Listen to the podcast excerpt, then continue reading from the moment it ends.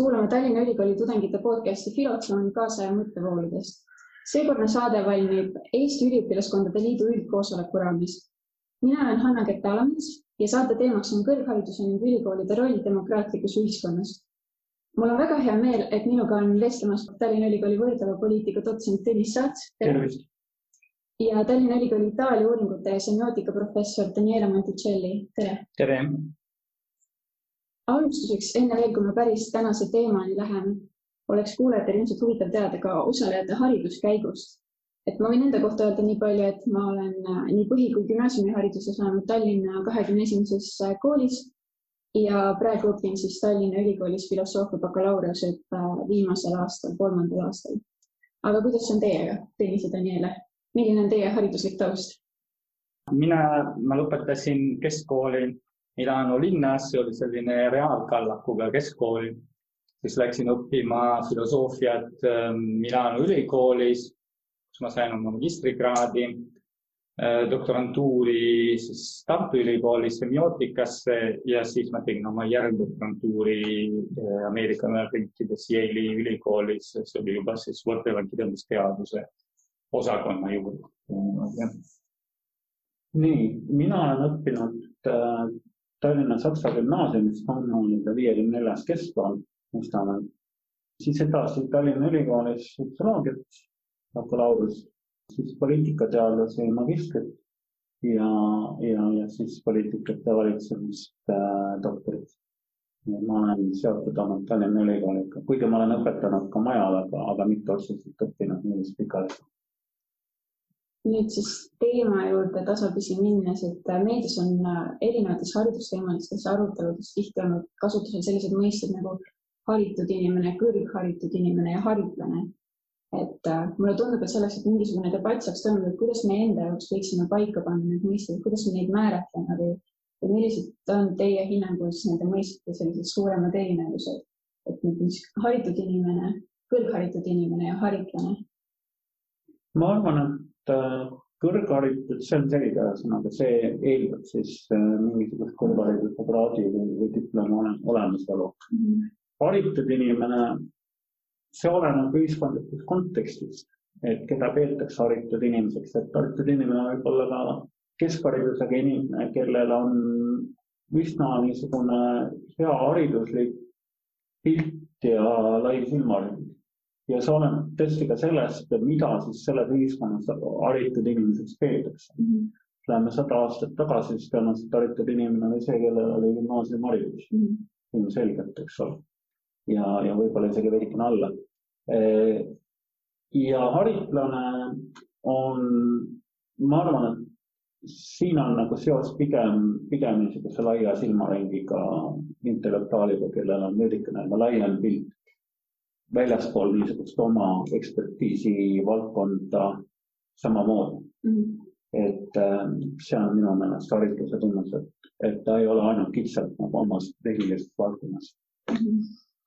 jah, ega siin pole väga palju lisada, ma arvan ja, et see kõige umbmäärane mõiste ongi see haritud inimese mõiste, ta on umbmäärane, sellepärast ta muutub nagu noh aias ja, ja ka nagu noh, erinevates kohtades, samal aial on erinevates ühiskondades haritud inimene eh, erinev ja erineva definitsiooniga, eks ju. ja teine natukene noh, umbmäärasem mõiste muidugi see haritlase omad, et ütleme, on rohkem nagu niisugune akadeemiline haritlane, kes on võib-olla seotud äh, väga lähedalt nagu ülikooliga või, või mingi teaduskeskusega, nagu tänapäeval kipub see olemas aga on ka selline teistmoodi haritlane, mis on, ütleme, rohkem seotud kultuuriväljaga, et ütleme niimoodi, et ta, et see, see haritlane võib olla noh, ka kõrgharidusega või ka tihti ta on kõrgharidusega, aga ta ei ole peale kõrgharidus nagu seda akadeemilist karjääri, akadeemilise karjääriga nagu tegelenud, et, et see on nagu noh, traditsiooniliselt võib-olla isegi literaat, nii et see, selline nimetame tänapäeval veel literaatiks võib olla ka haritlane nagu, et, et vot siin, kuidas me otsustame, kus, kus jooksevad haritlased piirid, eks ju mm. -hmm. ja, ja tänapäeval minu meelest on üsna selgesti näha kaks tüüpi nagu haritlast, et, et see, mis on jah formaalsemat tüüpi ja, ja, ja kuidagi kultuurivälja nagu tüüpi.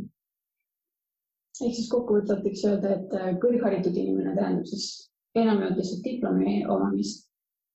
haritud inimene siis äh, on selline võib-olla veidi haridusest nagu väiksema ampluaa või silmaringiga. kas need sobivadki siis tänasesse Eesti ühiskonda, meie demokraatlikku ühiskonda, et kas selliseid jaotusi on võimalik teha meie ühiskonnas? no statistiliselt seda, kes on kõrgharidusega, seda saab alati välja võtta, see on probleem aga teiste nagu uurimine, see on ikkagi väga subjektiivne.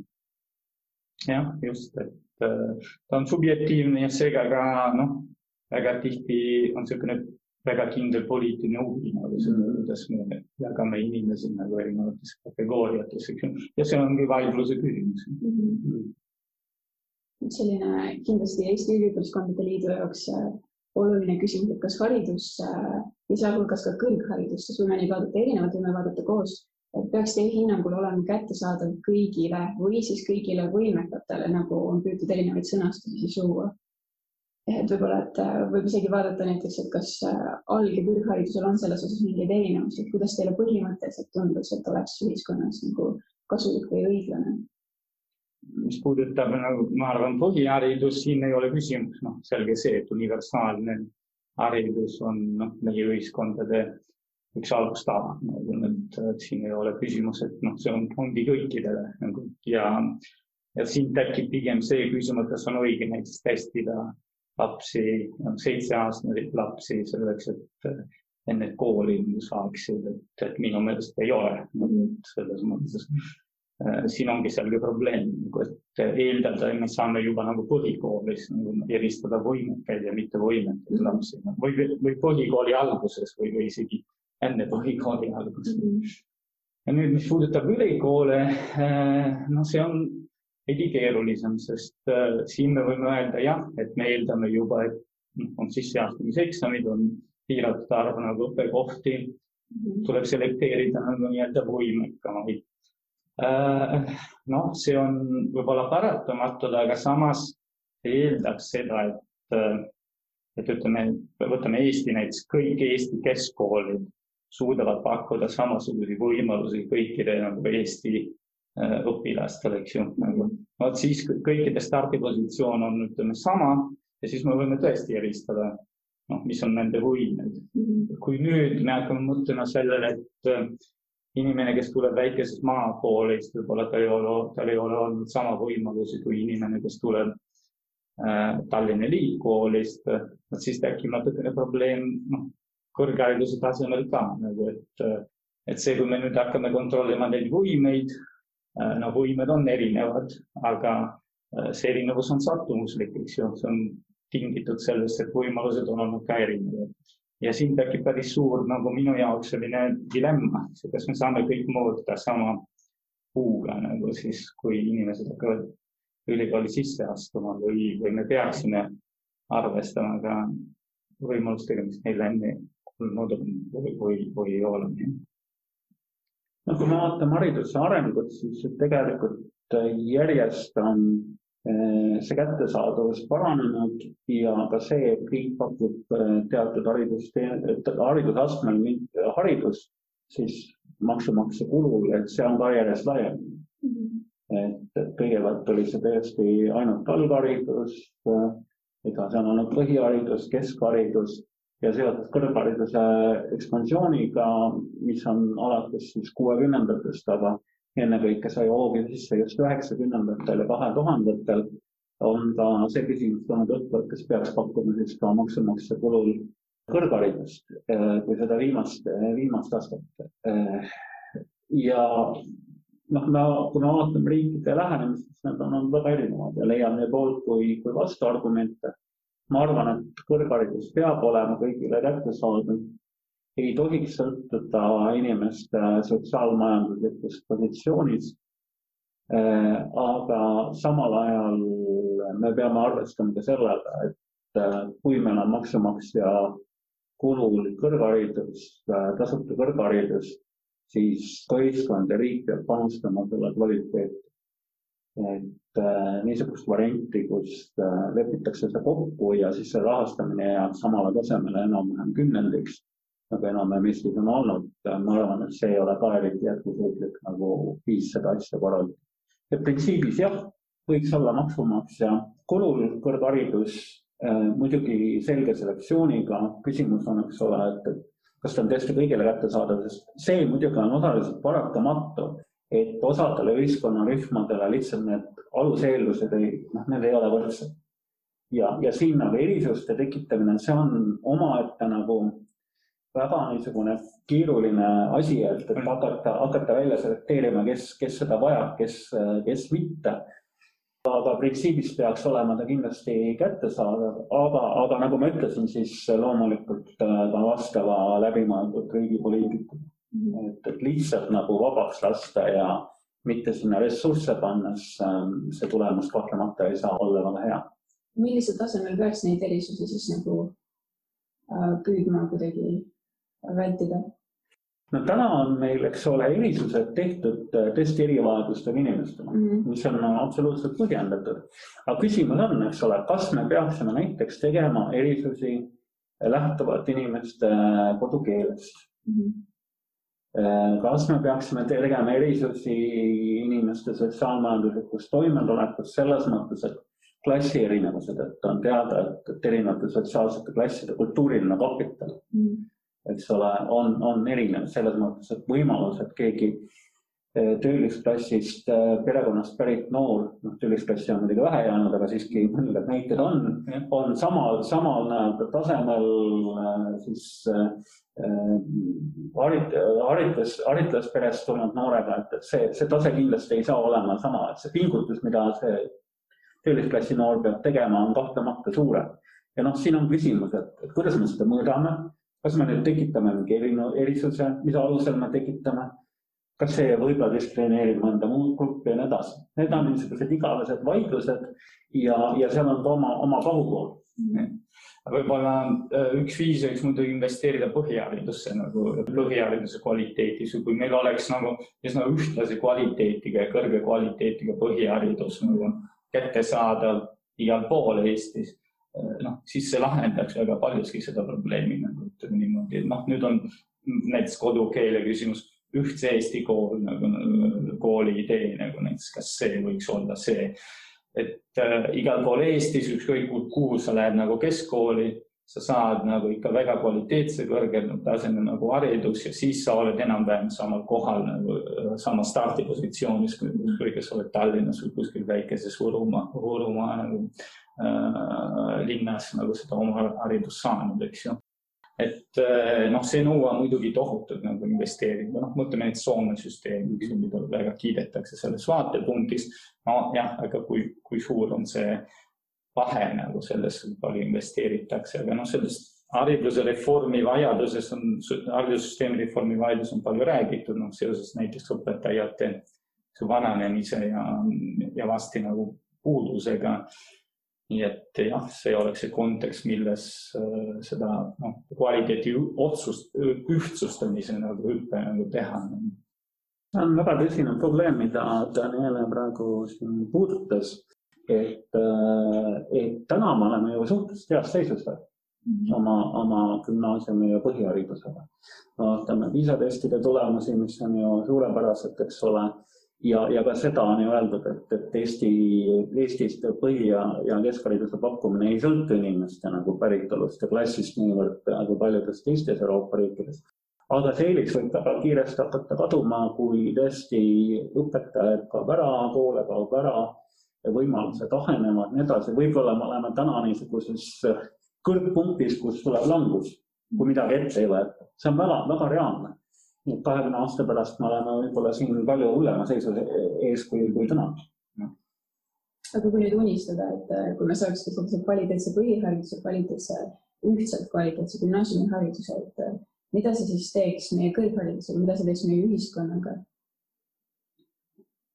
ta võimaldaks tõesti nagu noh, kõrghariduse osas alustada noh, kõrgemalt et äh, nüüd me peame nagu väga sageli täita äh, lünki nagu aga, aga jah, sel juhul me saaksime nagu alustada kõrgemaga, nagu Tõnis ütles, muidugi nagu küsimus on ka investeeringutes mm. kõrgharidusse, sest noh, probleem on ka kõrghariduse kvaliteetiga ja noh, võib-olla praegu Eestis on pigem probleem kõrghariduse kvaliteetiga kui põhihariduse kvaliteetiga, äkki olukord võib muuta, eks ju.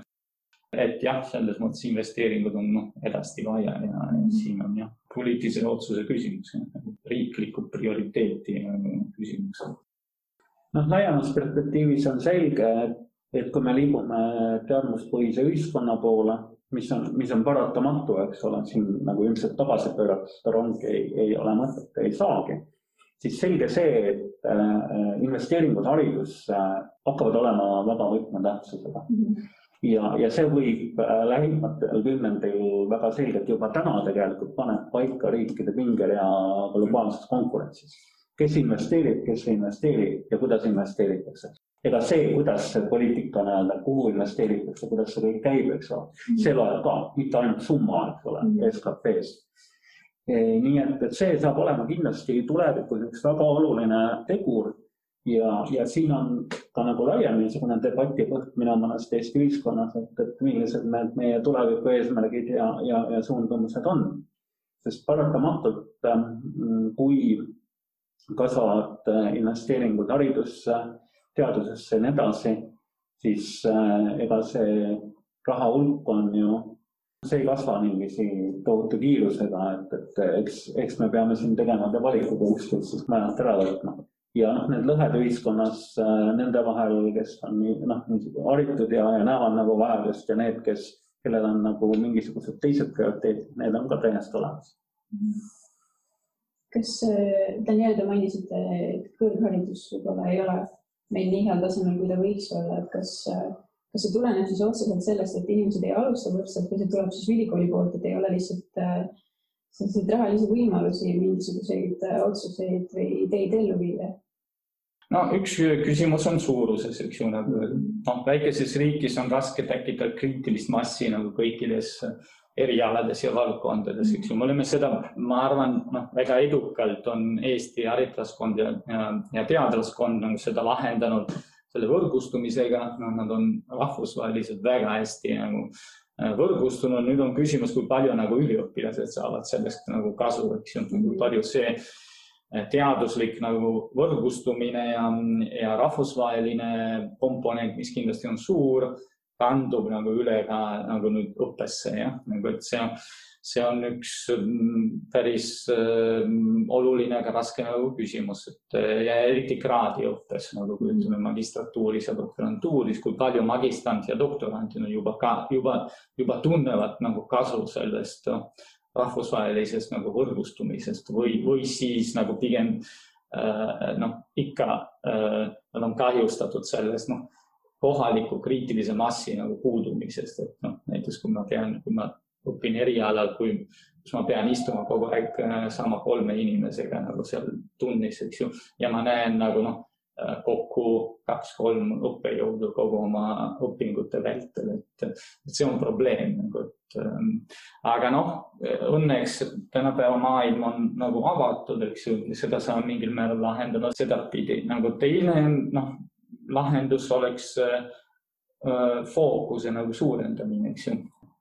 Et valida välja mingid noh, prioriteetvaldkondi, noh näiteks eriülikoolides, mida noh, rohkem kultiveerida, rohkem arendada ja tekitada nendes kriitilist massi selle, selle asemel, et noh, õpetada ja uurida enam-vähem kõike, aga seda teha nagu, seda teha nii, et Äh, ressursid puuduvad igal pool ja, ja inimesi on puudu nagu igal pool ja nii edasi, et, et, et see on noh, niisugune dilemma, eks ju, nagu kas, kas kui palju nagu noh, nii-öelda universitast me saame nagu endale lubada, mhm. kes õpetavad nagu enam-vähem kõike, nagu kes arendavad enam-vähem kõiki erialasid või kui palju me peaksime koondada rohkem nagu tegevusi, eks ju.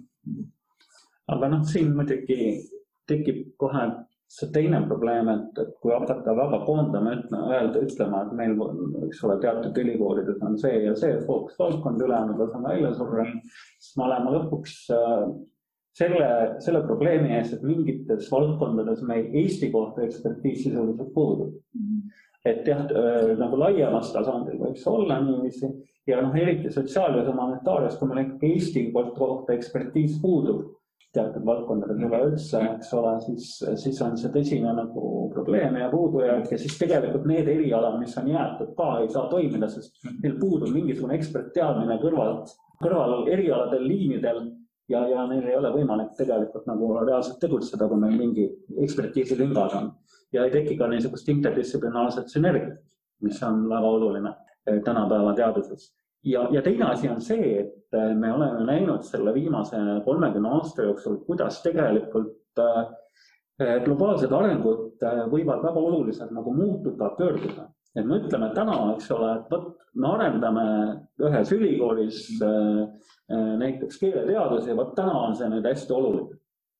aga võib-olla kolmekümne aasta pärast on mingid muud erialad ja, ja need tulevad hoopis mingist tüvest, mida meie ei ole siin arendanud. nii et siin on nagu niisugust väga kitsalt vaadates, tehnokraatlikult vaadates on väga, väga suured riskid, mida meil tuleb arvestada. aga noh, see on niisugune laiem dilemma, et, et kui, millist nagu kõrgharidust, mis mahus suudab nagu Eesti riik oma ressursside kahaneva rahvaarvuga pakkuda. et see on nagu omad, omad suur küsimus ja kas meil on, kui me tahame seda niisugusel kujul säilitada, kas meil on üldse nagu pääsu sellest, et, et me võtame ressurssi kuskilt mujalt ja see ressurss tuleb äh, välisüliõpilaste arvelt kuskilt teistel kontinentidel, kes ilmselgelt tahavad näiteks tulla siia õppima Euroopasse, on nõus maksma, kas me keelame seda mm? -hmm. Ressur-, kas me võtame selle ressursi endalt eos ära mingitel muudel kaalutlustel või, või me lubame seda?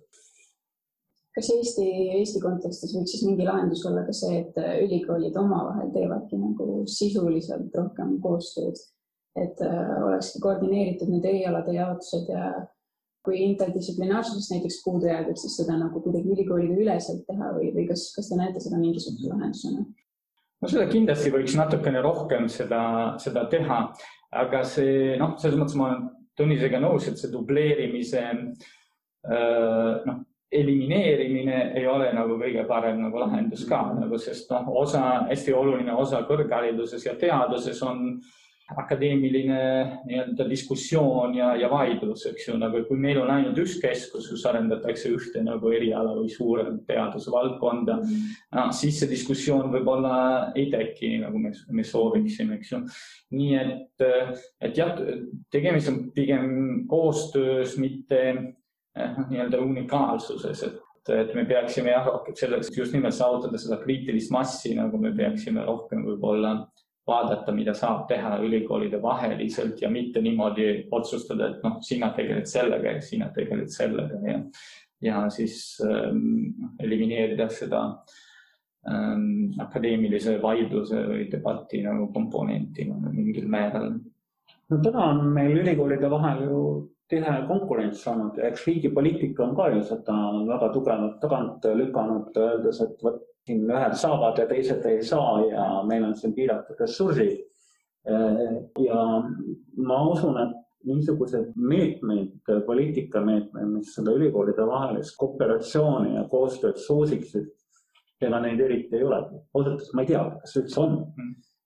et, et pigem on olnud niisugune konkurentsi lähenemine vähemalt senimaani samal ajal see konkurents võib ka olla hea igasugustele, et tekibki diskussiooni, siis nagu kriitilisus on võib-olla suurem kui enda tegevusele, mitte ainult äh, väljapoole siis suunatud. aga ma küsiks sellist asja, et äh, kelle vastutus see on, et tagada nii kvaliteetne näiteks algharidus kui kõrgharidus, et praegu, noh, kui niimoodi provokatiivselt öelda, siis äh, mulle on jäänud mulje, et see on nagu mingisuguste äh, Äh, tuntud ühiskonnategelaste teema, et äh, kõik, kes äh, lähevad igale poole mingisugust kraadi omandama või midagi juurde õppima, et tundub, et nagu see toimib, aga kas see peab olema nagu sellist laadi ja kes siis tegelikult on see, kes peaks neid otsuseid vastu võtma ja aitama suunata inimesi? Minu vastutus on see, noh, on ikka riigi oma, nagu mm. selles mõttes riik vastutab hariduse kvaliteeti eest nagu, mida riigis antakse alates põhiharidusest kuni kõrghariduseni välja. ja selles mõttes on vahel ähm, noh, üsna naljakas vaadata, kuidas ministeerium veeretab nagu vastutus, noh, kas valdadele, oma kohalikele omavalitsustele, koolidele, ülikoolidele, eks ju, teil on autonoomia, palun väga.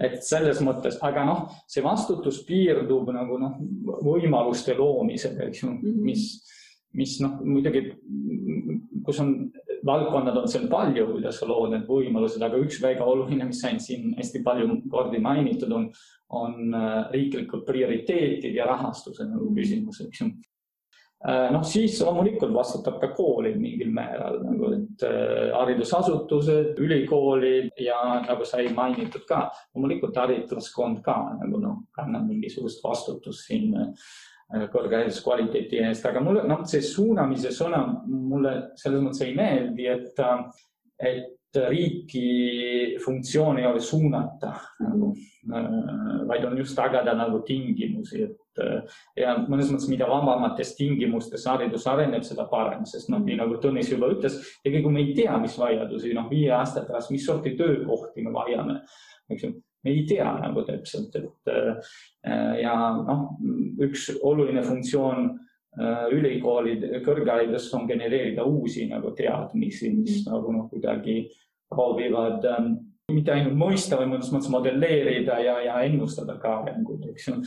ja nüüd noh, see idee, mis natukene jälle on hakanud tsirkuleerima minu meelest siin ähm, ühiskonnas ja poliitikas, et äkki võiks mingil määral tagasi minna mingi riikliku tellimuse nagu noh, vormile, noh, see on, see on väga vale, nagu see noh, riik ei äh, ei saa tellida äh, ülikoolidel nagu nii-öelda töötajad, sest ülikooli funktsioon on, on palju, palju laiem ja, ja mõnes mõttes hariduse ja ühiskonna vahel peab olema ja ühiskond, praeguse ühiskondliku seisu nagu vahel peab olema teatud nihe nagu, et, et ähm, jah, et ei, ei, ei ole nii, et ülikool peaks peegeldama nagu ühiskond nagu praegust nagu seisu. nii et jah, kvaliteedi tagamine on jah, on tingimuste ja võimaluste tagamine, aga mitte suunamine ja, ja poliitiliselt muidugi kõrgharidus ja teaduspoliitika on alati veidikene nõrgemas positsioonis kui mitmed äh, teised äh, valdkonna poliitikad. juba sellel põhjusel, et äh, noh, kui me võtame, kui palju, eks ole, on kõrghariduses inimesi kuskil seal kakskümmend viis, kolmkümmend protsenti, see ei puuduta nagu kogu ühiskonda, see, mis ülikoolides toimub, tegelikult kas otseselt või nende laste kaudu läheb korda ainult murdosale tegelikult valijatest, kuskil kolmandikule veidikene üle selle. Ja, ja, ja teaduspoliitika, et, et siin ei ole ka otsest seost, et vot Eesti teadlased tegid nüüd midagi ja nüüd kogu ühiskonnal läheb elu järgmisest aastast oluliselt nagu kuidagi paremaks. et niisugust seost ka otseselt ei ole. Ja seetõttu see on niisugune väga haavatav valdkond tegelikult kus on võimalik ilusti rahasid optimeerida, investeeringud optimeerida, nii et äh, ei tekigi mingisugust erilist poliitilist äh, kahju sellest mm.. et, et seda ei, ei, ei pandagi tähele. nii et, et selles mõttes äh, siin on, ma ütleksin, et ei ole ainult nagu haritlaste, õpetajate, kõrgharidusega inimeste vastutus, aga siin on ka poliitikute vastutus et, et nad tajuvad selle valdkonna strateegilist olulisust mm. -hmm. ja noh, täna me tegelikult näeme seda tendentsi, kus, kus on hüüdlaused, et meil on ekspertidest kõrini ja, ja, ja ülikoolid on kõik niisugused kuidagi väga niisuguste rahvuslike ja, ja konservatiivide ideede vastased ja, ja seetõttu kuidagi peaks neid tasalülitama, et kui noh, niisugused ideed saavad nagu väga tugevat vandepinda, siis, siis ausalt öeldes on väga raske uskuda, et, et, et meil teadus- ja kõrghariduspoliitika kuidagi väga õitsuda ja edeneda saaks. nii et siin on poliitikute vastutus samamoodi mm, -hmm. et, et kui, kui kaugele nad lähevad ja kas, kas nad tajuvad, mida nad, mida nad teevad mm. -hmm. räägime nüüd nendest, kui üldse on selliseid asju nagu universaalsed väärtused, mida kõrgharidus peaks just pakkuma. näiteks paar päeva tagasi ehk siis kuulajatele üheksateistkümnendal novembril võeti vastu Rooma kommünikee ehk siis selline Bologna protsessi jätk, et panna paika Euroopa kõrgharidusmaastiku ühtsed suunad ja siis selliseks eesmärgiks oli peamiselt kaasatus, sidusus ja innovaatilisus. et need siis vastavad väga hästi sellele küsimusele, et milline kõrgharidus Euroopas üldiselt peaks olema. aga et mis, mida kõrgharidus peaks teie arvates indiviidile ja seeläbi ühiskonnale pakkuma? Et äh, kas me liigume selles suunas, et meil on vaja oskuseid, et meil on vaja mingisugust äh, CV-sse mingisugust märget, et mille poole me liigume, mida üldse saab kõrgharidus pakkuda?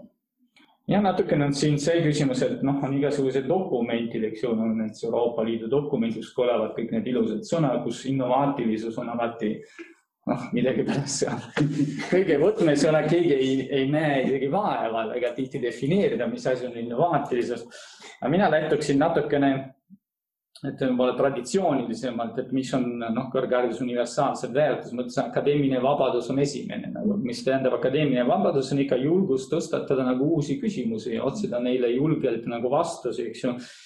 et noh, kui minna tagasi päris nagu noh, Vana-Kreekasse ja Aristotelesest, noh, mis Aristoteles väitis, filosoofia al algab, me võiksime tänapäeval öelda, et teadus algab imestamisest, eks ju. no mitte tellimusest või, või noh, projektist või, või ütleme innovatsiooni nagu vajaduses, eks ju, me ikka tahame saada mingeid vastuseid nagu asjadele, mis huvitavad meid, siis pakuvad meile äh, noh, tekitavad meie uudishimu nagu mm. soovi nagu teada nagu, noh, eks ju.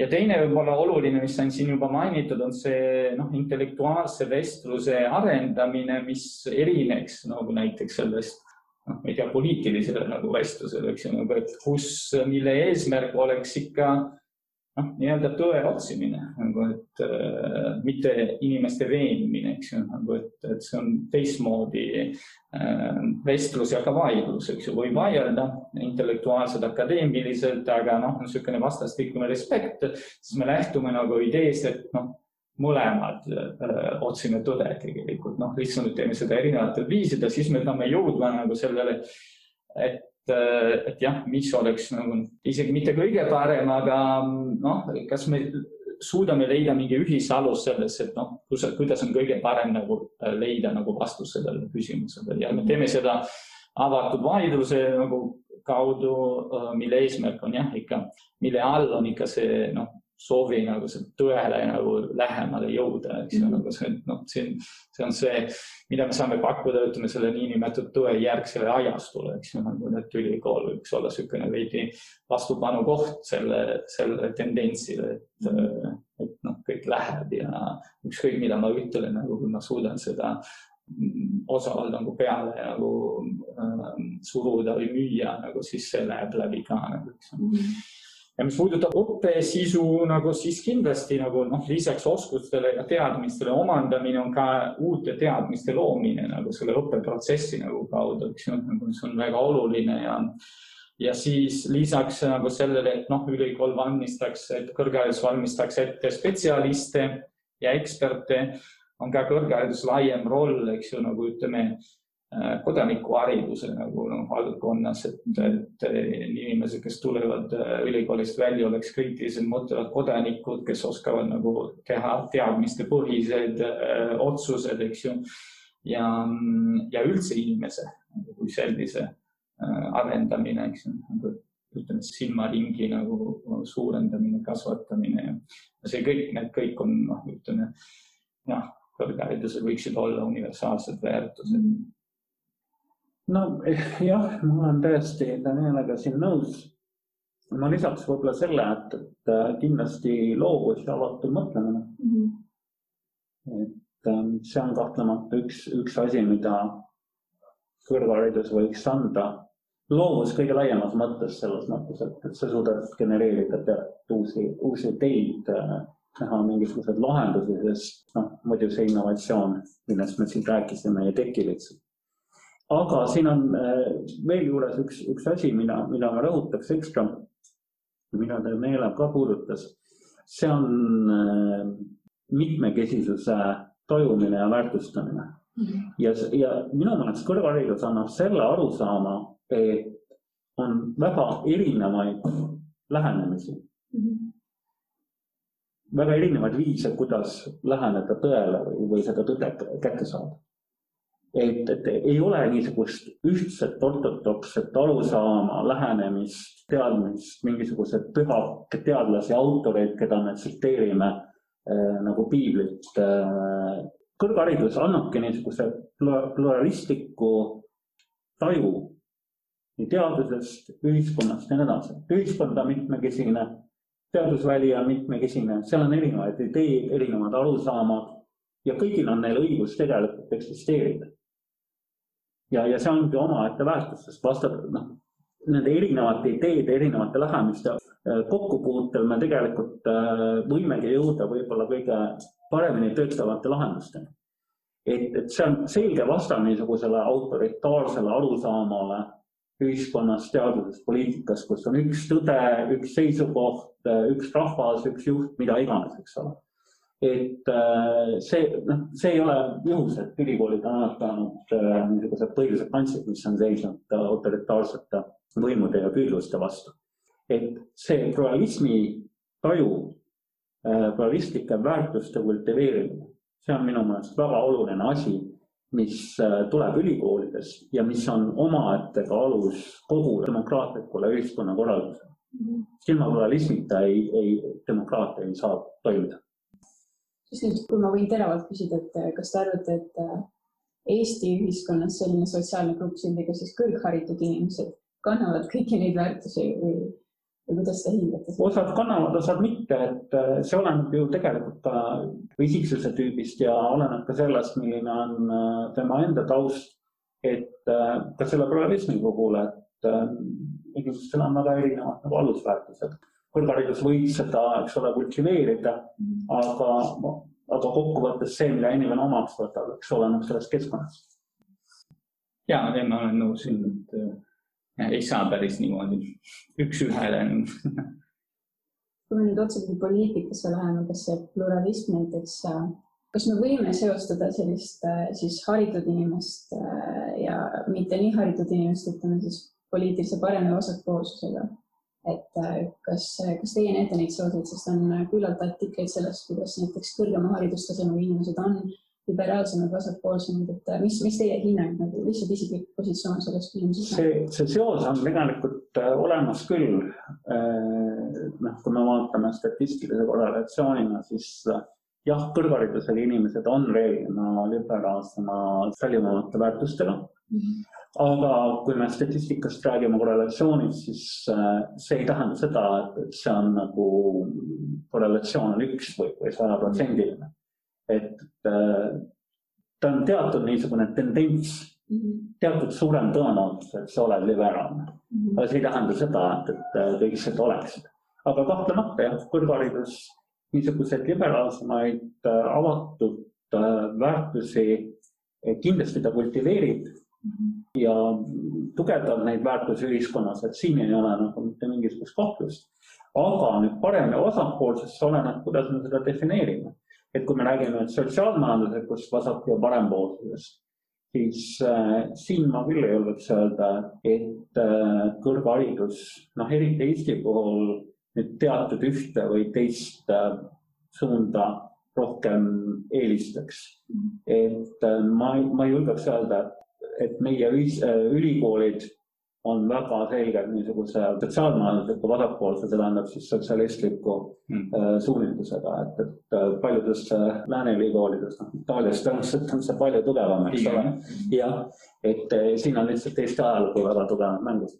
aga kui sa nüüd defineerid vasak- ja parempoolsust läbi niisuguse liberaalsuse, konservatiivsuse teele siis jah, kindlasti ülikoolid on selles mõttes vasakpoolsemad mm -hmm. ja see on üle maailma mm -hmm.. tähendab liberaalsemad mm. -hmm.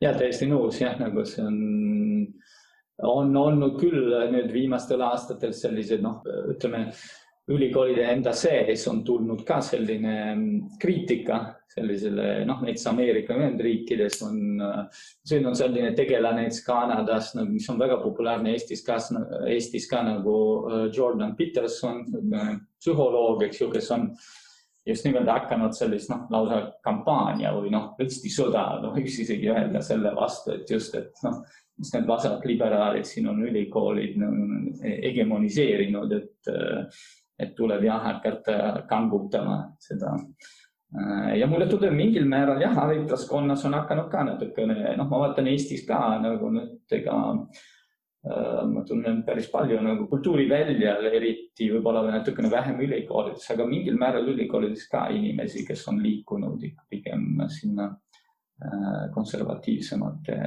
positsioonide nagu peale ja, ja võib-olla ongi niisugune veidi ajastu märk, jah. aga noh, täiesti Tõnisega nõus, et jah, siin on läinud noh, väga oluliselt segi seda, noh, mis on traditsiooniline, eks ju, noh, niisugune eh, sotsiaalmajanduslik parempoolsus ja vasakpoolsus ja siis eh, teisel pool niisugune pigem ideeline väärtuste liberaalsus ja konservatiivsuse võit on jah, et siin on kaks erinevat, väga erinevat telge, kus need asjad ei ole nii lihtsad, et eh, ütleme, ühel pool on vasakliberaal ja teisel pool on parem konservatiivine, et et on pigem mitu erinevat kombinatsioonid siin mm millisel viisil teie arvates võib äh, haridustase ühiskonda lõhestada? et see on ilmselt äh, päris aktuaalne praegu olnud, et äh, mille alusel me saame üldse jagada, et kuidas haridustaseme järgi ühiskond võib lõhestuda, et kas, kas võib tekkida mingisugune eraldi noh, sotsiaalne grupp, mis kuidagi domineerib või, või kuidas teie seda näete just praeguse ühiskonna, Eesti ühiskonna kontekstis? no ma olen sellest kirjutanud äh, oma artiklis Sirbis äh, haritlasdemokraatiast, et see lõhe tegelikult tekib väärtuste pinnal. Et äh, kõrgharidusega inimesed paratamatult on mõnevõrra liberaalsemate, kosmopoliitsemate väärtustega kui ülejäänud osa ühiskonnast mm ja kuna nad tegelikult domineerivad ka suhteliselt tugevalt avalikus sfääris ja, ja poliitikas, siis äh, see niisugune liberaalne, konservatiivne rõhuasetus tegelikult kandub üle ka avalikku sfääri. Ja üks osa ühiskonnast, kellel, kes võib-olla neid väärtusi ei jaga, kuidagi tunneb, et nende väärtused on nagu kuidagi peetakse vähem olulisemateks või, või, või äh, on nagu kõrvale lükatud ja noh, täna me tegelikult näemegi seda noh, mässu mm -hmm. sellest ühiskonnagrupist, kes, kes leiavad, et nende liberaalsete kosmopoliitsete väärtustega on liiga kaugele läinud. et kahtlemata äh, see tekitab teatud ühiskondlikku lõhe. Äh, haridus on kindlasti üks osa sellest, mis äh, neid kuna ta väärtusi mõjutab, eks ole, mis, mis seda lõhet toidab, aga, aga seal on ta, taga ka terve hulga teisi põhjusi mm, ka majanduslikke põhjusi, et äh, see nende ühiskonnagruppide niisugune vastuak, kes, kes on selgelt niisuguste traditsiooniliste konservatiivsete väärtuste poolel. Ma usun, et nende niisugune pahameele üks teguritest on ka see, et nad tunnevad, et nad on selles uues globaliseeruvas avatud maailmas ka sotsiaalmajanduslikult tegelikult jäänud pigem kaotajate rolli. Nad ei näe niisugust äh, tugevat perspektiivi ka, ka majanduslikus mõttes ja see tekitab nagu niisugust ärevust. kui kõik oleks nagu majanduslikult võitjate poolel, meil ei oleks seda probleemi olnud ja meil ei olnudki seda niisugust konservatiivse poole vastureaktsiooni kuni suure majanduskriisini kaks tuhat kaheksa, kaks tuhat üksteist ja ei olnud, aga, aga need ju kõik see tegelikult see, mida see väärtuslõhe oli ühiskonnas olemas, eks ole, juba toona, aga ta lihtsalt ei olnud politiseeritud, ta ei, ta ei tulnud nii tugevalt esile just tänu sellele, et kuni selle hetkeni, selle majanduskriisini oli kõigil nagu niisugune illusioon, et selles globaliseeruvas maailmas on võitjad kõik ka need, kes täna on nii-öelda maha jäänud, kahekümne aasta pärast tõenäoliselt on ka võitjad. aga see suur majanduskriis tegelikult selle illusiooni purustas ja sai selgeks, et kõik ei ole selle globaliseerimise võit. ja need, kes tunnevad, et nad on kuidagi kõrvale jäänud, nende väärtused on kõrvale jäänud, nende sotsiaalmajanduslik perspektiiv on tunduvalt kehvem. Need on nüüd selgelt pead tõstnud ja, ja ütlevad, et kuulge, peatage see globaliseerumise rong. ja täiesti nõus selles mõttes, et ähm, see, mis on juhtunud, ongi see, et Ähm, ütleme, need, äh, kui minna tagasi enne sellele, mida me ütlesime, et need niinimetatud vasakliberaalid ei ole olnud võimelised tegelikult sellel õigel hetkel adresseerida neid küsimusi ja, ja siis on läinud peale hoopis see paremkonservatiivne äh, noh, ütleme kultuurisõja nagu noh, aspekt, eks ju.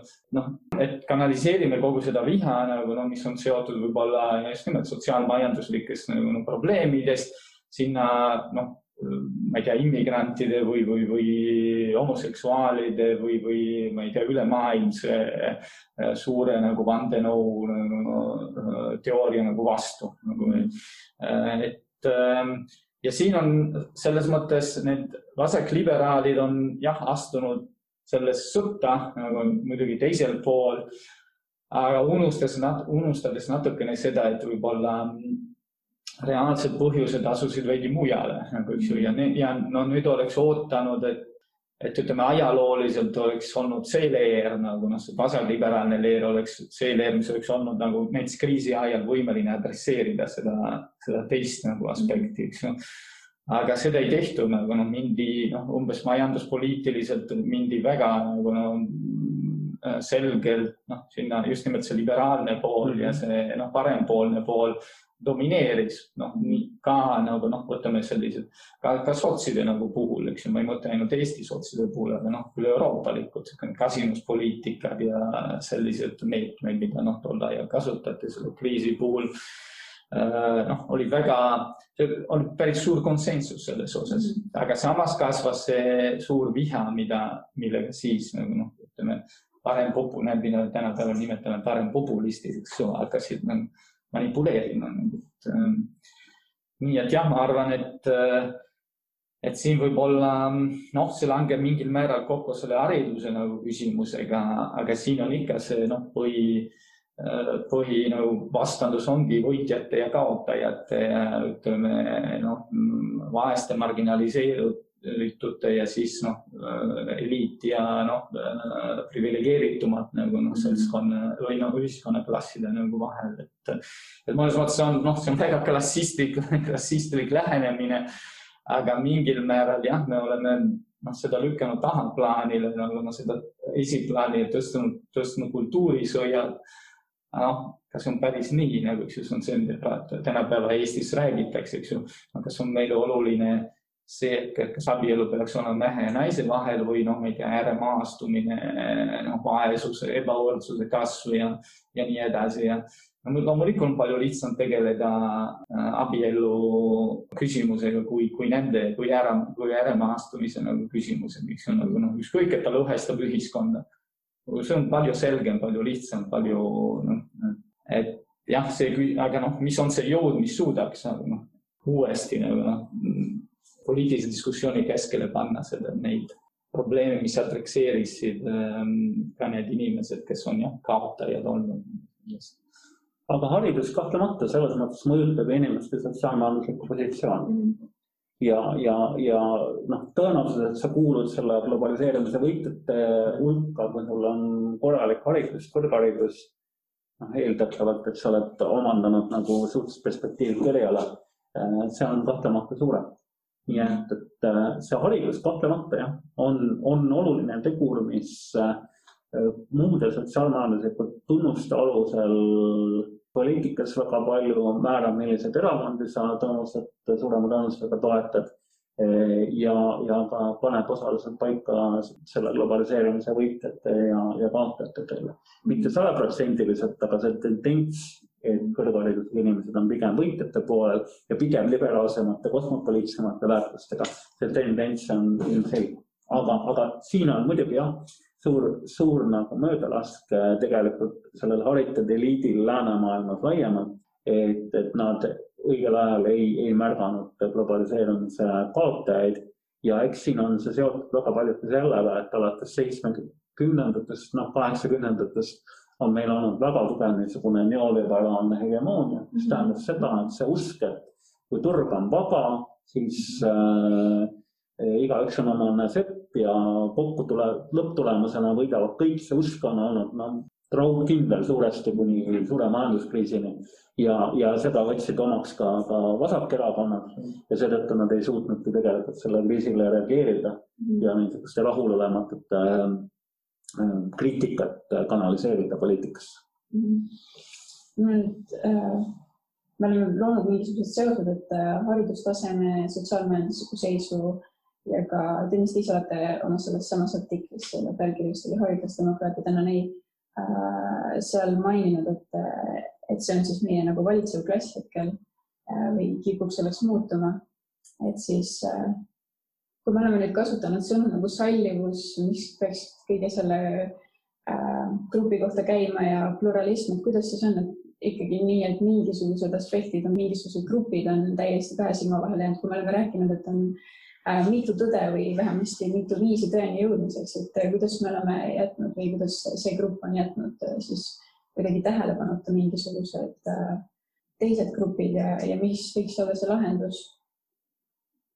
Ma arvan, et siin, ma ei ole kindel, et siin on küsimus, siin on küsimus haridus nagu ähm, jah, et võib, võib-olla tõesti haritumad inimesed äh, jätavad kahe silma vahele nagu noh, palju probleeme, mis on seotud noh, võib-olla vähem haritud inimesi. ma, ma arvan, et, ma arvan, et siin on pigem küsimus nagu ideoloogilise dogmatismiga mm -hmm. ja ühel pool ja teisel pool selline noh, täiesti oma privileegide nagu kaitsmises. noh, võtame näiteks just nimelt see neoliberaalne paradigma, noh, Eestis, võtame Eesti näite, see on kõige noh, eredam nagu kehastus selles on olnud Reformierakond, eks ju. Mhm. no jah, loomulikult on no, terve rida probleeme, mida Reformierakond noh, viisteist aastat ei ole üldse näinud või vaadanud nagu noh, võtame vaesuse küsimus, eks ju aga noh, miks nagu no mitte niivõrd minu meelest sellepärast, et nad on noh, haritumad ja nad ei suuda seda näha, vaid sellepärast, et esiteks ideoloogia, eks ju. noh, vaesus, kas vaesus on probleem ideoloogiliselt? noh, kui sa oled veendunud selles, et äh, kõik need, kes on, kes midagi saavutavad, võivad rikkaks saada ja need, kes midagi ei saavuta, lihtsalt nad ei oska ise seda teha või nad ei viitsi seda teha. järelikult haridus, vaesus ei ole poliitiline või sotsiaalne probleem see on individuaalne nagu taak, eks ju, nagu sa ei suuda nagu sinna kuskile jõuda. Ja seetõttu võime lauas seda noh, ära panna, eks ju. et just nimelt see usk ongi see, et kõik need, kes pingutavad, saavad rikkaks, eks ju, nagu ja me ei pea midagi tegema selleks, et, et nad pingutaksid, noh, nad ise otsustavad, noh, meie loome nagu nii-öelda võimalused on olemas. Mm, -hmm. mingu et, et see on niisugune väga tugev ideoloogiline dogmatism, et mis, mis jah, võimaldab nagu tõsta nagu kõrval. ja teine asi on niisugune pragmatism, eks ju, nagu on privileegide kaitsmine ja oma valijate privileegide kaitsmine. noh, miks peaksid äh, ettevõtjad ja äh, tööandjad hakata nagu äh, maksta nagu makse selleks, et äh, vaesemate inimeste haridust ja, ja tervishoiu näiteks teenused nagu paraneksid, eks ju mm. -hmm. et noh, loomulikult mitte nagu, et, et selles mõttes, et äh, mis probleeme nähakse ja mis probleemi jäetakse nägemata, on jah, tuleb natukene sellest kombinatsioonist, et noh, mhm. ideoloogiline kuidagi pimedus mm -hmm. ja, ja siis oma huvide nagu noh, puhtast nagu noh, kaitsmisest ja siis ongi vaja, et ega siin ei ole muud variante kui seda, et need, kellel, kelle huvid ei ole esindatud, hakkaksid ise seda noh, arve nii-öelda esitama, et palun väga, nagu me tahame ka nagu, eks ju. ja nüüd see, mida noh, parempopulistid teevad, on näiliselt seda, seda teha, nagu, aga tegelikult nad jälle nad esitavad teistsugused arved nagu noh, teistsugustes küsimustes, et äh, nad ei adresseeri seda noh, nii-öelda reaalset probleemi, vaid äh, jah, kuidagi kasutavad seda jõudu ja viha nagu millekski muuks. nojah, kuna meil on väga tugevalt olnud viimased nelikümmend aastat niisugune neoliberaalne mõttesuund ja hegemoonia, et tõepoolest vaba turg igaüks on oma sepp ja riik sekkub majandusse ja ühiskonda järjest vähem. ja teisest küljest on olnud väga selge niisugune väärtus nii-öelda avatud liberaalsemate, kosmopoliitsemate väärtuste poole, mida on siis suuresti niisugune haritud eliit kandnud siis kuna see on olnud niisugune valdav ideoloogiline paradigma, siis äh, ega neid globaliseerumise kaotajad, kellest me siin eelmises lõigus rääkisime, eriti nähtud ei ole. ja, ja nende muresid adresseeritud ei ole, et siin on kindlasti kivi äh, poliitikute kaksaeda, kes võib-olla ei suutnud neid asju õigel ajal nagu, nagu märgata, kuigi tegelikult äh, sellest, et see globaliseerumise, neoliberaalne globaliseerumise mudel väga tugevalt toodab võitjaid ja kaotajaid, suurendab kihistumist Mhm. Sellest on räägitud juba kakskümmend, kolmkümmend aastat. ja muide, ülikoolid äh, ise on olnud äh, ja väga paljud ühiskonnateadlased on olnud väga tugevalt äh, kriitilised just selle globaliseerimise, neoliberaalse niisugust ebavõrdsust tekitava globaliseerumise suhtes. aga noh, seda ei ole märgatud, sest see ideoloogiline raam, mis meil on, milles, mis on olnud nagu domineeriv, lihtsalt ei ole lasknud seda väga tugevalt äh, näha. aga teisest küljest, mida Daniela ka mainis, et tegelikult olgem ausad, et tänapäeva kõrgharidusega inimesed, nad tegelikult elavad teatud miljöös, suhtlevad teatud ringkonnas. Neil tekib tänu sellele niisugune ka mõnes mõttes piiratud taju, mis see ühiskond on. Ja, ja seetõttu tegelikult nad seda teist poolt, kes on hoopis võib-olla teistsuguste väärtustega, eh, kellel on teine sotsiaalmajanduslik eh, hakkamasaamine ja nii edasi, ei, ei pruugigi nagu tajuda ja näha. et need kaks rühma nagu tegelikult ei, ei puutugi üksteisega kokku. aga, aga siin on nüüd vahe selles, et, et neil kõrgharidusega eliidil ja eriti poliitilisel eliidil, aga ka vaimueliidil, tegelikult on äh, laiem vastutus ühiskonnas mm. -hmm. ja kui nad on otsustanud seda poolt, neid globaliseerumise kaotajaid nagu kuidagi ignoreerida, siis äh,, siis see ei ole lihtsalt see, et nad midagi jätsid märkamata, vaid äh, nad on tegelikult oma töö jätnud tegemata, eriti mhm. poliitikud ja, ja see on kahtlemata nagu õigustatud etteheide, et miks te ei, ei ole märganud neid probleeme varem mm. -hmm oma artiklis te ka toote välja, et üks variant on otsedemokraatia koos näiteks kvootidega. Et kas te praegu ka jääte sellele, võib-olla selgitate natuke? no see eh, artikkel põhineb paljuski ühel Hollandi teadlaste kirjutatud raamatul uurimusel kus nad siis vaatavad tõesti äh, kõrghariduse mõju poliitikale, demokraatiale mm. -hmm. ja, ja noh, põhiväide ongi see, et kui kõrgharidusega inimesed on poliitikas, nemad domineerivad ainuüksi seda poliitilist välja, siis, siis teatud nii-öelda ühiskonnarühmad, nende väärtused, arusaamad mm, nagu elukogemus jääb sellest poliitikast kõrvale. Need inimesed, kes ei ole kõrgharidusega, aga neil võib olla väga teistsugune arusaam ja, ja elukogemus, eks ole. ja see nagu tekitab teatud niisuguse kallutatuse poliitikas. et kuidas seda ravida, eh, kvootide süsteem, nemad ise ei olnud väga entusiastlikud selles mõttes, et me tekitame nüüd kvoodi, eh, ma ei tea, põhiharidusega inimestele Riigikogusse et, mm -hmm. või et äh, valimisnimekirjades olgu kolmandik, eks ole, põhiharidusega, et noh, niiviisi see tõenäoliselt ei tööta. ei tööta sellel põhjusel, et, et me ei saa olla kindel, et väiksema haridustasemega inimesed just esindavad äh, neid huvi, huve. et see on samamoodi nagu ka te, teiste vähemuste kvootide puhul, et me ei saa olla kindel, et, et mustanahalised esindavad mustanahalisi ja naise, naised naisi, eks ole, väga kitsas võtmes. et see võib anda teatud niisugust ähm, noh, vaadete paljusust poliitikasse, mis on väga positiivne, aga iseenesest ta ei lahenda veel automaatset probleemi. mis puudutab äh, otsedemokraatiasse see otsedemokraatial on mitmeid plusse ja miinuseid. Äh, aga mm, nemad kindlasti ja ma ka ise tegelikult niisugust otsedemokraatia varianti, kus äh, erakonnad on need, kes panevad ette, et, et milliseid küsimusi me nüüd referendumil hakkame hääletama ja see kirjutatakse koalitsioonilepingutesse. nagu siin senimaani on, on seda otsedemokraatiat äh, üritatud Eestis juurutada, et niisuguse variandi vastu nad on väga selged. et neil, neil on minu meelest väga hea ettepanek, mis ei ole nende oma, on ta laenatud teistelt autoritelt, et kõik küsimused, mis lähevad referendumile, peaks olema läbi kaalutud kodanike paneeli poolt, mis on juhuvalima alusel mm.. mis tähendab seda, et seal ongi kuskil kolmandik kõrgharidusega inimesi, kaks kolmandikku mittekõrgharidusega inimesi, Eesti mõttes kolmandik venelasi, kaks kolmandikku eestlasi ja nii edasi, nii edasi.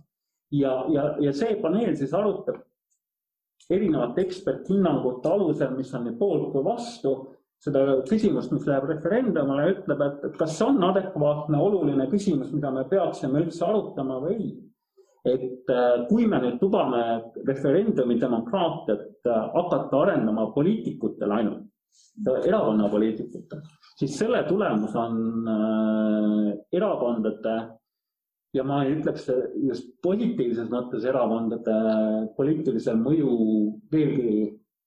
Nii et noh, see on niisugune partokraatia triumf kõige halvemas mõttes mm. -hmm. see, mida me täna vähemalt siin olen näinud, kuidas seda otsedemokraatiat tahetakse teha jah, küsimus on see, kes võtab endale, eks ju, nagu seda noh, õigus esindada rahvast nii-öelda mm, -hmm. eks ju, nagu ja aga noh, ma arvan jah, et see on, see oleks nagu niisugune noh, poliitilisel tasemel nagu noh, kõige kõrgem, eks ju, kui me otsustame riigi asju, aga võib-olla minu jaoks on oluline, kuidas me toome seda demokraatia nagu noh, rohujuure tasandil, eks ju, nagu kuidas needsamad inimesi, kes on olnud praegu noh, välistatud, marginaliseeritud ja kõik oleks võimestatud rohkem, noh, kasvõi oma kogukonna, noh, täitsa oma küla või oma noh, kooli, oma töökoha nagu no, otsuste tegemisel, et eks ju, et kuidas me suudame nagu noh, lähtuda nagu otsuste tegemisest sellisest põhimõttest, sellisest põhimõttest, inimesed on võrdsete õigustega, eks ju, nagu, et see on, see on nagu noh, väga suur küsimus, kaasa arvatud ülikoolis, eks ju, nagu noh, kus, kus on päris raske nagu arendada tegelikult kaasava nagu, ähm, mõtlemist ja, ja, ja, ja, ja otsustamist, eks noh, nagu, et, et väga tihti otsused langetatakse noh, kuidagi kõrgel tasemel ja siis surutakse nagu allapoole, nii et noh, isegi haritlased ei saa ei tule toime, selle, äh, selle demokraatia praktiseerimisega, nii et ma arvan, et hästi suur roll on, ongi selles, kuidas me suudame demokraatiat praktiseerida nagu igapäevaselt, et mm ja see ja minu jaoks see võrdsuse küsimus on, on hästi oluline siin, et tuleb hakata uuesti mõtlema, kuidas sisustada seda noh, võrdsuse põhimõtte või idee, nagu, mis kunagi tegi palju halba, eks ju, seda sisustati puhtalt noh, ma ei tea, majanduslikku ja materiaalset, eks ju. aga noh, kuidas me seda suudaksime, sest ma, demokraatia võrdsus ja õiguste võrdsus on hästi nagu no, seotud nagu küsimusi ja nüüd ongi see, et noh, kuidas me väljume sellest suurest nagu ebavõrdsuse noh, olukorrast, mida me oleme tekitanud, et, äh, et saada uue, et me võimestaksime uuesti inimesi ja inimesed tunneksid ennast, sest noh, küsimus ongi see, et praegu nad tunnevad ennast nii kõrvale jäetud ja sellepärast nad noh, niimoodi reage, vihaselt reageerivad, eks ju, nagu, et aga mis oleks siis, kui nad tunneksid ennast võimestatud, et nende arvamusel arvestatakse. Ähm, aga noh, kuidas seda teha kõik, et see oleks, et see kaasamine oleks teadmistepõhine, eks ju. et see ekspertiis ei olnud enam noh, väikese grupi privileeg, vaid et ta noh, leviks võimalikult palju nagu noh, ühiskonnas, et kõik oleksid võimelised noh, osaleda nendes otsustes, kus, mis on hästi olulised meie kõikide elu jaoks, eks ju et, ähm, et see on nagu noh, niisugune võtmeküsimus ja siin jälle haridus on hästi noh, esikohal, et kuidas laiendada seda noh, hariduslikku nagu pinda.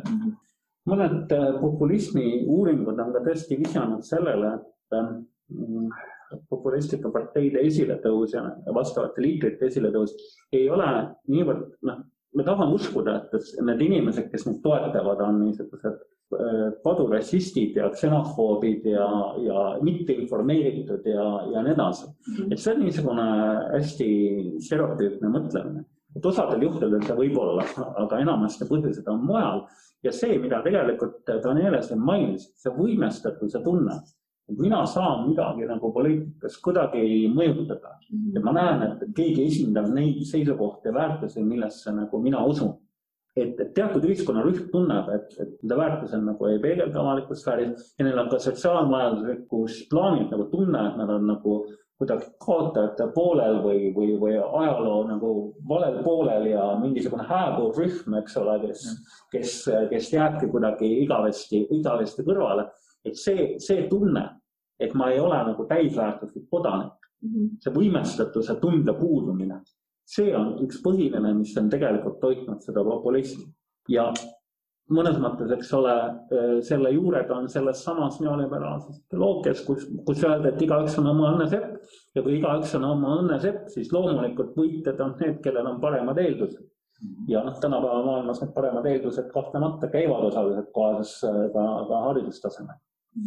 Aitäh siis nende mõtetes äh, läks väga huvitavaks, nii palju oleks veel küsida, aga ma saan aru, me oleme juba natuke üle aja läinud. meil on äh, paar publiku küsimust ka, mille ma siis ette loen. Äh, esiteks küsis Jonathan Megiste, et miks kipuvad akadeemikud, eriti sotsiaal- ja humanitaarteadustes kalduma poliitiliselt vasakule. ma arvan, et selle me vastasime juba ise ära, et meil oli ka see teemaks siis Tartu Ülikoolist Karl Lembit Laane ütleb kommentaarina, et kui meenutada Platoni ajastut, siis kõrgkoolid loodi just demokraatia vastu oma algelt on akadeemia olnud antidemokraatlik institutsioon. et äh, ma arvan, et see märge sobib väga hästi. ja siis äh, Karl Lembit äh, toob ka välja, et politoloog David Ransman nägi tänapäevast poliitilist tahet omapärasel moel. muistu demokraatia vast, vastane argument oli, et siis valitaks, valitseksid noored, vaesed ja harimatud ehk siis enamus esindusdemokraatia olevat võitnud argumendiga, et jah, nad inimesed saaksid valida, aga nad ei valitseks. Valitsuses oleksid ikkagi vanemad, rikkamad ja haritumad ja väidetavasti nii ongi olnud esindusdemokraatia tekkest saati. erinevus saja aasta taguse esindusdemokraatia ja praeguse vahel on aga, et lõhe ei peitu enam rahva ja nende esindajate vahel, vaid rahva enda sees peaasjalikult hariduse põhjal. ja et noored on äh, nüüd vähemus, mitte enamus. Äh, küsib siis mõtteid, teie mõtteid selle kohta jah, see on täiesti õige selles mõttes, kui me vaatame seda, kuidas esindusdemokraatia tekkis, kui me vaatame neid debatte, mis olid seotud ennekõike Ameerika konstitutsiooniga kaheksateistkümnendal sajandil ja, ja ka Prantsuse revolutsiooniga. see mõte oli selles, et vältida igale hinna eest seda, et äh, massid, lihtrahvas hakkaks dikteerima, milline on poliitika ja, ja tihtipeale just nii-öelda hari, harimatud massid. ja seetõttu eh, esindusdemokraatial juba algusest peale on olnud niisugune väga elitaarne ähm, aktsent juures -hmm. ja ega see aktsent ei ole tegelikult kuhugi, kuhugi kadunud, võib-olla kahekümnendal sajandil ta noh, veidikene taandus, kui, kui äh, sotsialistlikud parteid, töölisliikumise ja nii edasi tulid poliitikasse, siis äh, ta muutus võib-olla vähem elitaarsemaks aga nüüd hariduse taustal on ta uuesti tegelikult elitaarsemaks muutunud mm -hmm., seepärast et äh, tõepoolest, et olla tänapäeval poliitik, äh, noh, enamus poliitikuid on kõrgharidusega ja, ja see tähendab ka teatud, teatud nii-öelda maailmanägemist ja, ja väärtusi tihtipeale. aga, aga täna, täna see lõhe tegelikult ühiskonnas haritud ja harimatud, harimatute või vähem hari, hari, haritute vahel kahtlemata mingil määral on, aga, aga see on üks nii-öelda tunnus, et, et seal tegelikult see haakub väga tugevalt inimeste sotsiaalmajandusliku toimetulekuga, see haakub tegelikult väärtuspildiga ja nii edasi. -hmm. ja need haakumised omavahel ei ole nagu ka täiesti lineaarsed, et aga haridus on kindlasti üks neist tunnustest, mis väga paljuski tegelikult mingisuguseid positsioone, mingisuguseid arusaamu paneb paika, aga ta ei ole ainus, seda ma tahaks rõhutada jah, tõsi küll, et demokraatia on oma algusest peale olnud väga piiratud, eks ju, demokraatia häll Ateena nagu noh, ikka nagu naised, orjad, eks ju, välismaalased, nad olid kõik nagu välistatud sellest otsustamise protsessist ja, ja pluss need poliitikateoreetikud, nad ei olnud sugugi, nad olid väga skeptilised nagu demokraatia võimaluste suhtes, noh, nii Plato kui ka Aristoteles tegelikult väga kriitilised üks huvitav nagu küsimus oli selles noor, noored ja vanad, eks ju, et siin ma arvan, et noh, tänapäeval natukene erinev see asi nagu, et näiteks no kui me võtame Eestis, noh, see on olnud üsna selgesti nagu pigem noorte noh, pärusmaa nagu see, ütleme, demokraatia, poliitika, eks ju.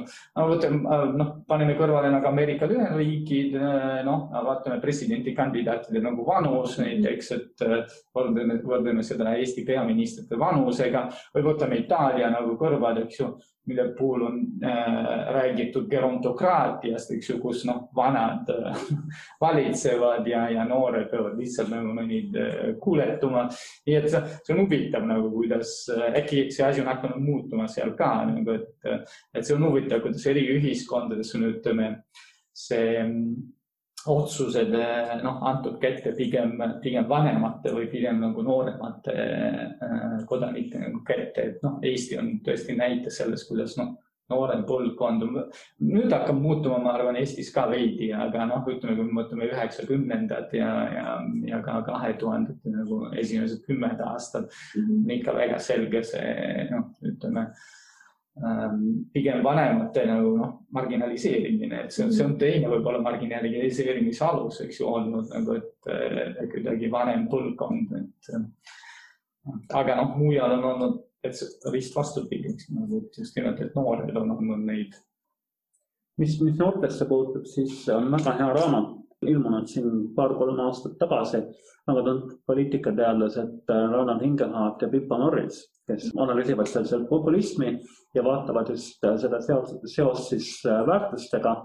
ja, ja nemad äh, väidavadki seda, et tegelikult, kui me vaatame niisuguseid liberaalseid, pluralistlikke, avatud väärtusi, siis neid esindab väga tugevalt just noorem põlvkond mm. -hmm vanem põlvkond, kellel on niisugused traditsioonilisemad väärtused, nemad järjest jäävad vähemusse mm -hmm. juba demograafilistel põhjustel. ja nende väide ongi, et me oleme jõudnud teatud niisuguse murdepunktini, kus niisugune vanem traditsiooniliste väärtustega põlvkond vaatas, et nemad hakkavad oma privileege tegelikult kaotama, nende väärtused, väärtuspilt ühiskonnas jääb nagu kuidagi kõrvale, vähemusse ja, ja see, mis Ameerikas ennekõike toimus Trumpi näol, oligi niisugune see vastureaktsioon, see niisugune viimane hädakarje mm, -hmm. et kuulge, kuulge meid ka mm. -hmm.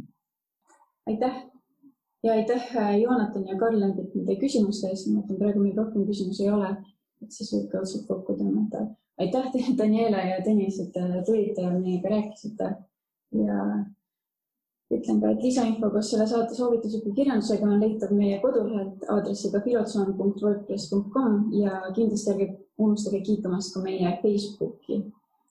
suur aitäh kõigile kuulamast, see oli haridusfilosoofia Filotsoonis